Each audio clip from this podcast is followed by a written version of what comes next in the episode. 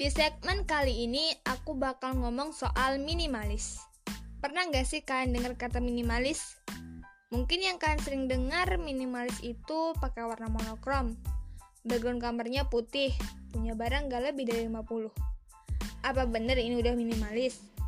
Sebenarnya minimalis nggak sepenuhnya seperti itu. Mostly memang stereotip di masyarakat mengatakan, hmm, minimalis itu cuma pakai warna monokrom, kalau ditanya aku adalah orang yang minimalis atau enggak, aku bakal jawab iya. Karena hal yang aku punya sekarang adalah hal yang aku butuhkan dan hal tersebut tidak membuat aku merasa terbebani. Dan minimalis ini sebagai prinsip yang aku bangun dalam hidupku. Kok bisa sih? Nah, kita bakal kupas satu-satu. Minimalis punya beberapa bagian, yaitu minimal, minimalisme. Menurut Wikipedia, minimalisme atau seni minimal adalah aliran seni lukis dan pahat tahun 1960-an yang mana mengandung bentuk artistik atau dasar pertimbangan logika dan kesederhanaan. Nah, dari sini kita bisa lihat minimalis ini berawal dari sebuah seni pahat. Namun seiring berkembangnya zaman di era modern, sekarang minimalis ini sudah diaplikasikan ke berbagai aspek seperti sosial, ekonomi, pembangunan, bisnis, termasuk gaya hidup dan aspek lainnya. Bahkan secara personal, kita bisa menerapkan minimalis ini ke circle terkecil dari hidup kita. Seperti apa yang kita punya sekarang ini, barang yang kita punya sekarang ini, di rumah, ataupun di kamar kalian. Mengutip dari The Minimalist, minimalism is a tool that can assist you in finding freedom. Freedom from fear, freedom from worry, freedom from trappings of customer culture we have built our lives around. Jadi kesimpulannya, minimalism is a tool to write yourselves of life's excess in favor of focusing on what's important so you can find happiness, fulfillment, and freedom. Nah, di sini intinya gaya hidup minimalis adalah alat. Alat di sini maksudnya yang bisa membuat kita merasa bahagia.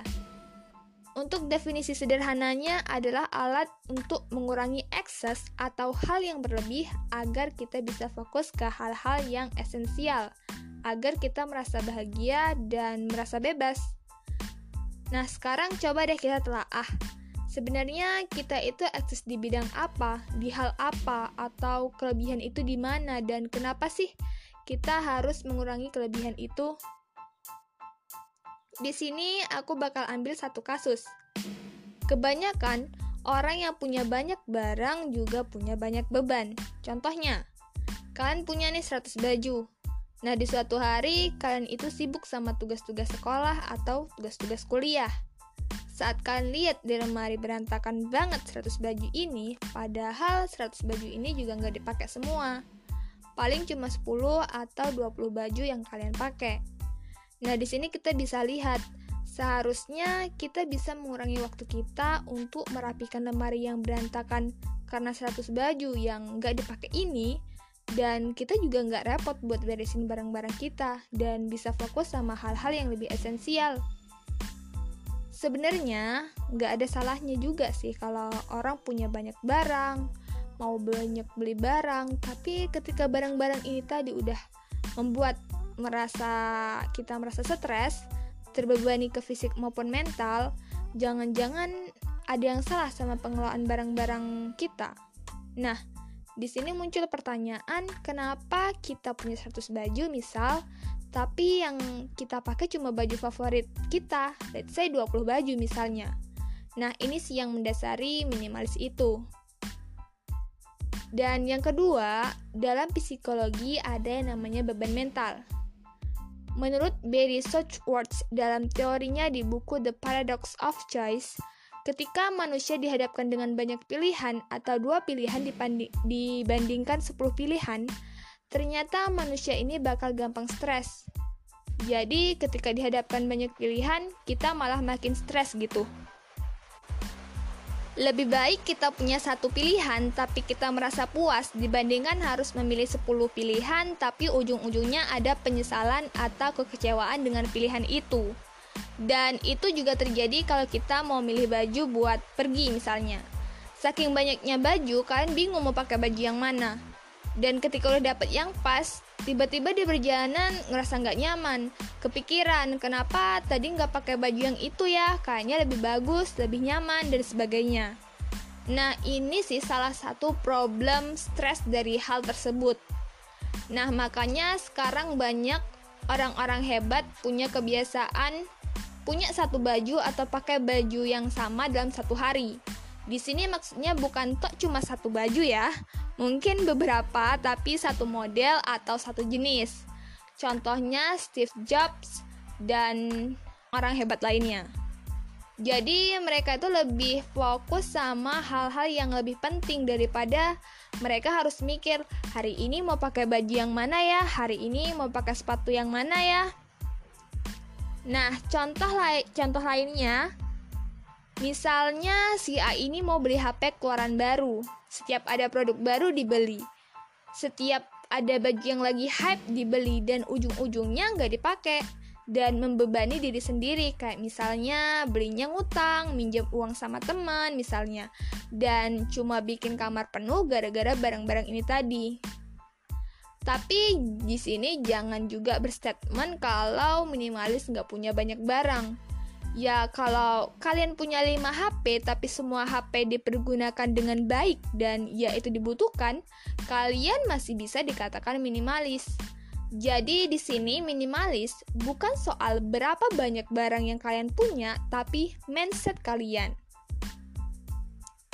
Contohnya gimana kita mengurangi penggunaan HP, decluttering barang, selain yang sudah kita bicarakan di awal tadi, minimalis ini bisa diterapkan di berbagai aspek, termasuknya aspek sosial.